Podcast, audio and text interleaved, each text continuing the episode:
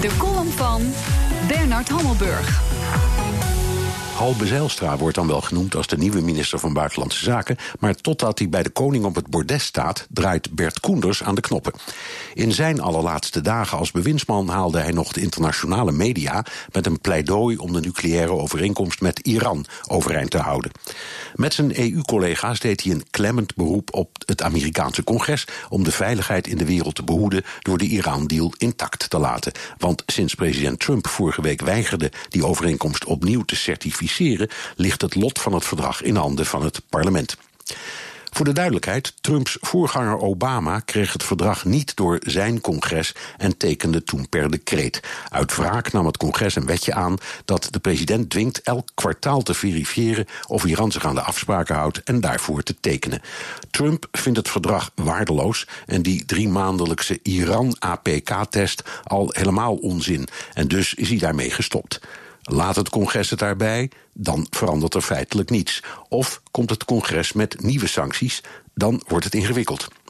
De EU-lidstaten zeggen: wij gaan gewoon door met het herstel van de betrekkingen met Iran. Maar omdat Amerikaanse sancties ook Europese bedrijven kunnen treffen, voeren Europese regeringen een harde lobby bij het Amerikaanse congres. Er staat een hoop op het spel, want de Europese export naar Iran is nu al 4,5 miljard euro. Is Europa het dan helemaal oneens met Trump? Nee, over het Iraanse raketprogramma is iedereen even verontwaardigd. Maar dat valt formeel buiten het verdrag, al is er wel een resolutie van de VN-veiligheidsraad die het verbiedt. Trump zegt dus terecht: dit is in strijd met de strekking van het verdrag, dus het deugt allemaal niet. Zijn Franse collega Macron zegt: het deugt allemaal niet, dus moeten we Iran dwingen met die raketten te stoppen. En dat is precies het pleidooi dat Bert Koenders ondersteunt. De Iraniërs zeggen woedend te zijn en dreigen hun nucleaire programma te hervatten. Maar menen ze dat nou echt?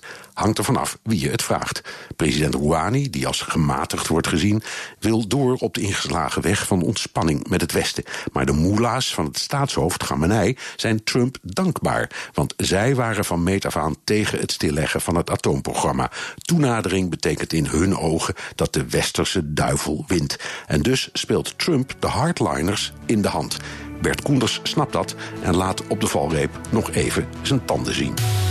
En dat is Bernard Hammelburg, buitenlandcommentator. En bij BNR ben je altijd als eerste op de hoogte van het laatste nieuws. Luister dagelijks live via internet. Jelle Maasbach. Wesley Weert. We zijn er voor je met het leukste, opvallendste, maar natuurlijk ook het belangrijkste nieuws. Tijdens de presentatie van die halfjaarcijfers toen die beurskoers in elkaar kukkelde. BNR Beurs. Voor de slimme belegger. Blijf scherp en mis niets.